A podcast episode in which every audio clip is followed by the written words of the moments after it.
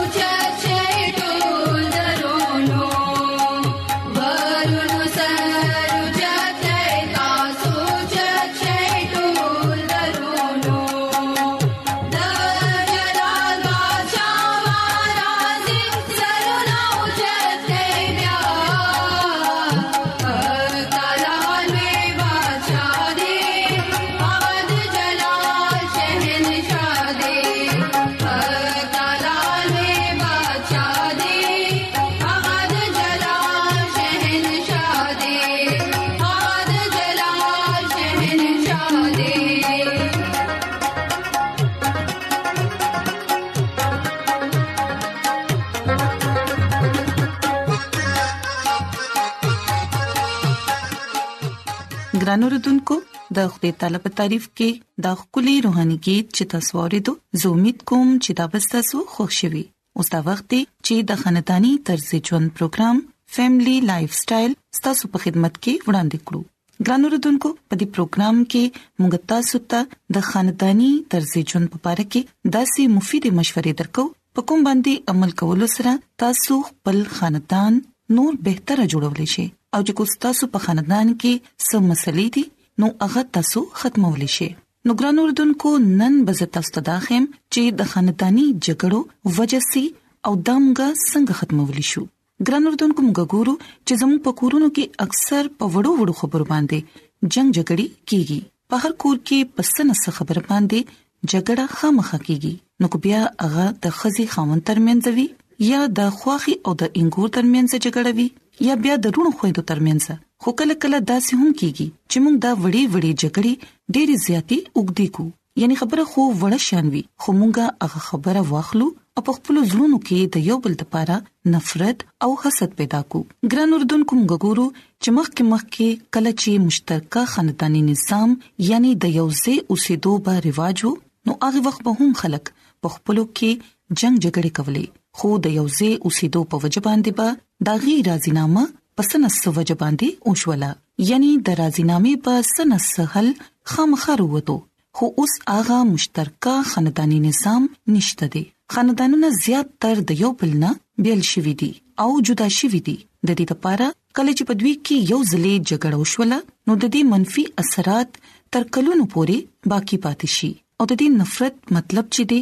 هغه د ټول ژوند لپاره پرشتو کې خاتمه پیدا کړي او موږ ته دا معلومه ده چې خاندانی جګړې عام تور باندې په ډیر معمولی خبرو سره شروع کیږي او ډیر زر د دې خبرو تفصيلات مونږه هیر کړو خود دینه پیدا کېدو ولا تلخیانه پزړونو کې ډېری ډوبې پریوزي او دا یاد پاتې شي چې پلانکی سره جګړه شوې ده او اوس دا غسره بموږه خبرې یا تګ را تګ نه ساتو او بیا ګران اوردونکو په دې وړو وړو خبرو باندې شروع کېدو ولا جنگ جګړې د سم مناسب وجنه بغیر صرف زموږ د زد او د انا په وجه باندې ډېری زیاتې سیوا شي او بیا دا زموږ ژوند ډېر زیات خپګان کې واچي او چې خپل خپلوانو سره د تګ راتګ په وجه باندې چې کومه خوشحالي او سکون مونږ ته حاصلېږي دا غي نه مونږ محروم پاتې شو خو مونږ خپل ضد نه پریږدو او په خپل ځان کې د بل د پاره نفرت ساتو ګرانو رودونکو اکثر جګړې داسي وي چې کچري یو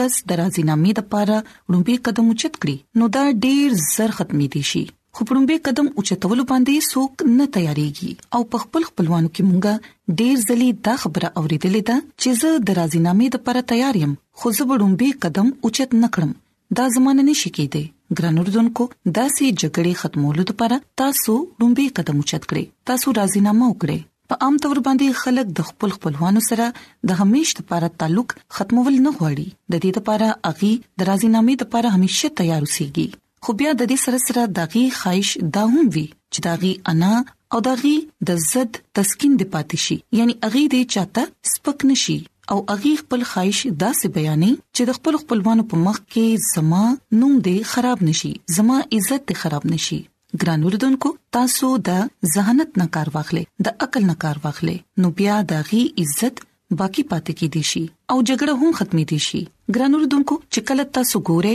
چې مخالفتونه لګیا دي سیوا کیږي او د جګړې حالات پیدا کیږي نو نا وخت کوي ما تاسو سمدس پاغي کې مداخلت وکي دا غي وجدا ده چې څومره تاسو خپګان ته زیات وخت ورکوي هغه خپګان به هم هغه ټیمه پوري برقرار پاتې شي او په خاندانونو کې به دغه سختې دغه نفرتونه سیوا شي او بیا په پاغي کې راضینامه کول ډیر زیات ګران شي ګران اردوونکو کوچرستا سو په خاندان کې د چا جګړه شوې ده نو تاسو دا غي د راضینامه کولو لپاره کوشش کوئ او د یو کس ډلم کوي بلکې دوه نه پوي وي ولې چې غلطي همیشه د دوه اړخ نه کیږي او جګړه هم په دې وجه باندې شروع کیږي کوچري تاسو په قدم مخکې کې د خاندان د خلکو برازینه موکړي داغي سره به یوځای شي او اغي به پوي کړي چې تاسو جګړه د ټول خاندان د پاره د پریشانې وجه ده او دا پریشانې اوس ختمول پکار دي د دین علاوه تاسو اغي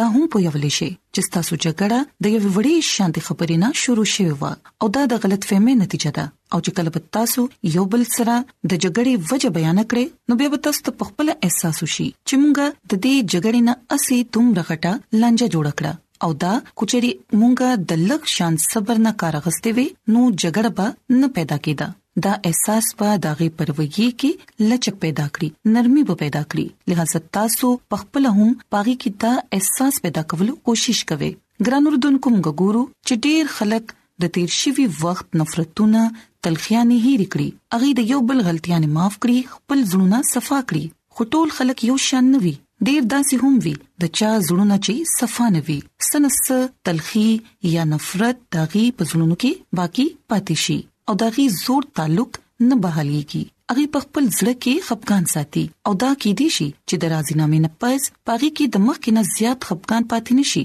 خو د مخ کې پشان خبره هم نه پاتې کیږي یعنی د مخ کې پشان حالات نه پاتې کیږي ګران اردوونکو د دې قسمه خلکو په معاملې کې وخت ته خپل کار کولو موقع ورکړي وخت یې دوه سره سره به داغه پروي کې مثبت تبدیلی پیدا کېدو توقع موږ کولی شو او د کور ول ترمنځ رزنامه کول سره مونږ پوره خاندان ته فائدہ رسولې شو یاد ساتئ چې خوشاله او د غم په موکو باندې هم د خاندان خلک د یو بل ډیر غټ د یو بل غټه اسیروي اغي د یو بل سره نږدې راوستو کې خپل کردار ادا کړي او ګران اردوونکو د خدای خادمه مسز ایلن جی فایټ په خپل کتاب د شفا چشمه کې مونږ ته دا خبره خای چې کو حالات څومره ګران وي او څومره مشکلات راشي تاسو په خپل زړونو کې دا یاد ساتئ چې موږ به یو بل سره اتفاق ساتو اتحاد پساتو همیشه مثبت سوچ ساتئ د یو بل په خوشحالو کې اضافه کوي یاد ساتئ چې دوه طرفه مینا او بامي اتفاق د یو بل برداشت کو ستاسو پرشتو کې موجود وي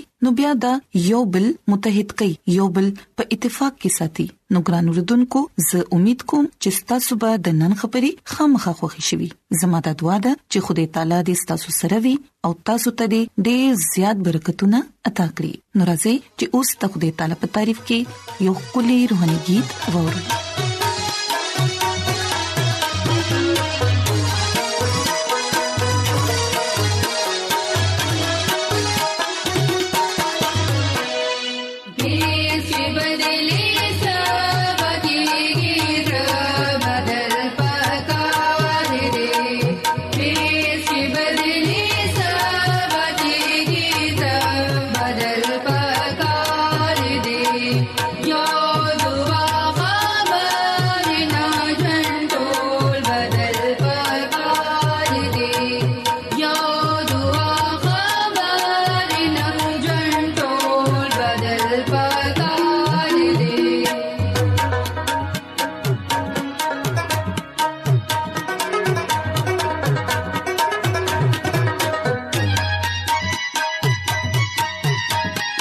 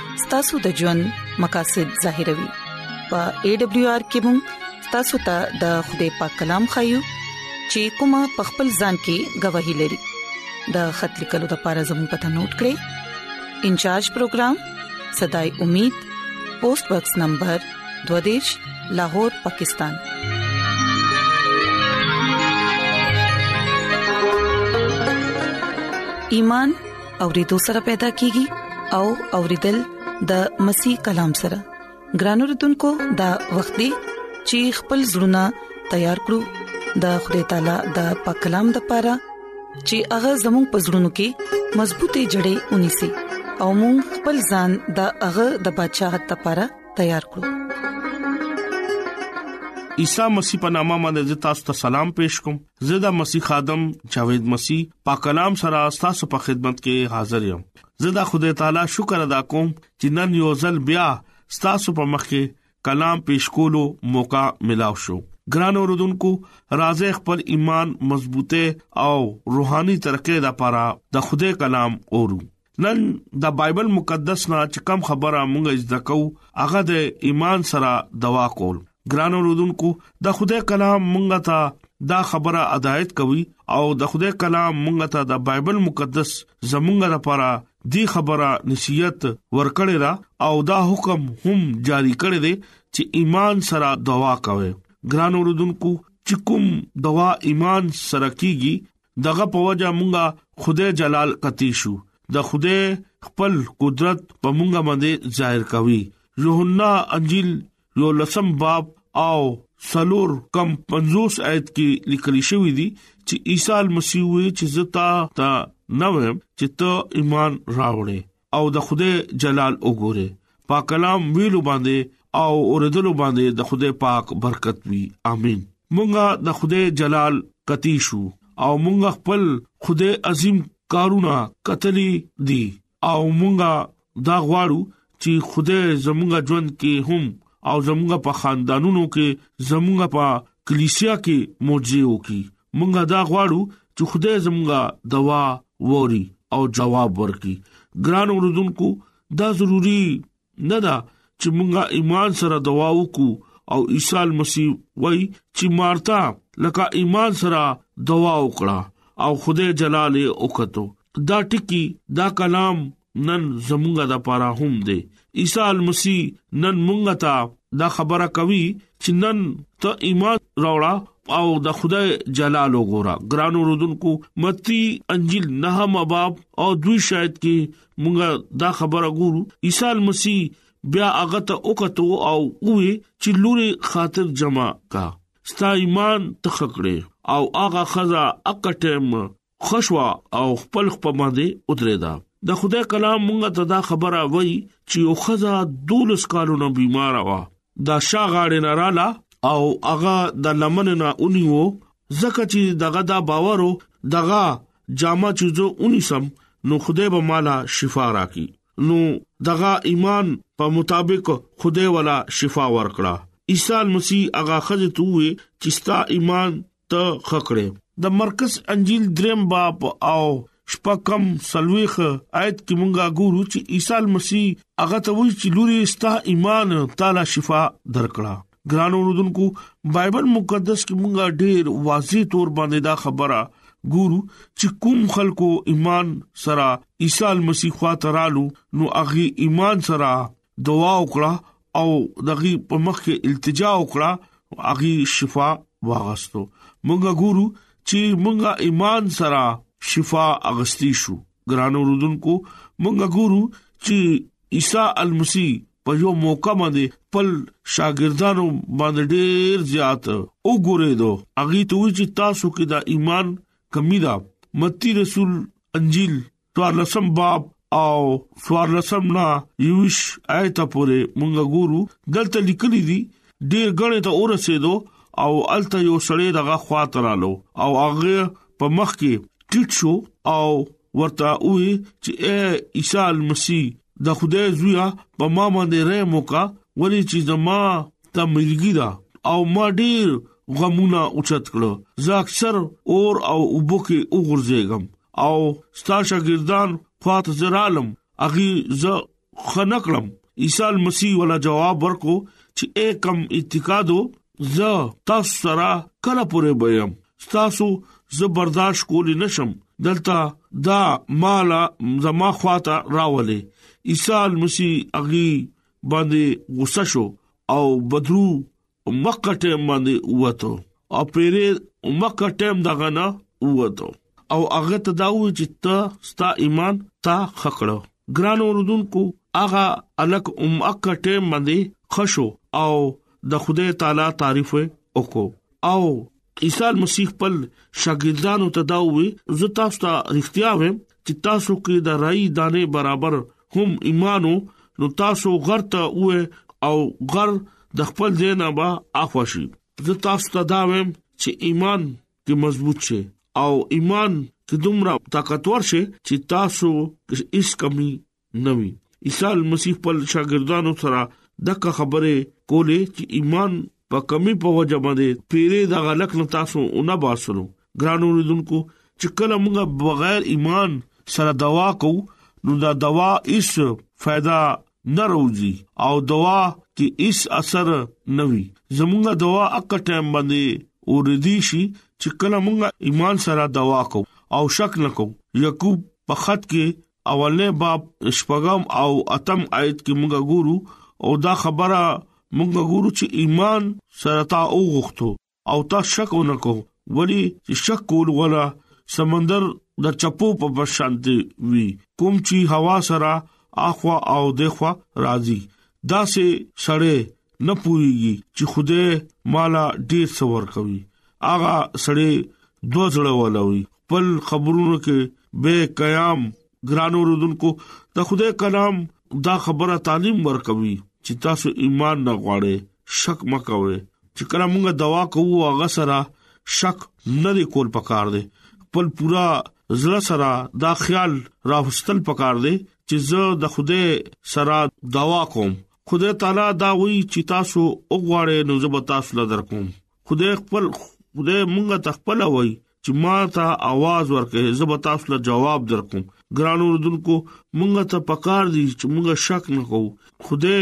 دا وای ته ما ته आवाज راکا زه به تعالی جواب درکوم ګران اوردونکو مونږ ته پکار دي چې مونږ شک نه کوو ایمان سره غواړو جواب ورکول ولا خدای دې لکه شرط دا دی چې مونږه ایمان سره دوا وکړو شک نکو ګرانو رودونکو یقینا نن د کلام سره به خدای تاسو له برکت درکوي ګران اوردونکو راځي خپل پجوان باندې مونږه نظر واچو چې زمونږه ژوند کې د سشي کمی ده چې کمی ده نو نن هغه سیس باندې مونږه غور کو او خدای نه بدا دوا کو چې اے خدایا ما کې چې څه کمی دي کمزوریاں دي ته هغه کمی کمزوریاں پورا کا او ته همیشا خپل جلال د پاره مونږه استعمال کا ګرانو رودونکو شرط دا دی چې دا دوا مونږه ایمان سره غواړو چې ایمان سره کم مونږه دوا کو نو خوده دغه جواب ضرور مونږه له برکې نن کلام په وسیله باندې خدای تاسو ته او مالا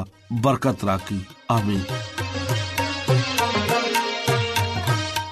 ایڈونچر ورلد رادیو لړغا پروگرام صداي امید تاسو اورئ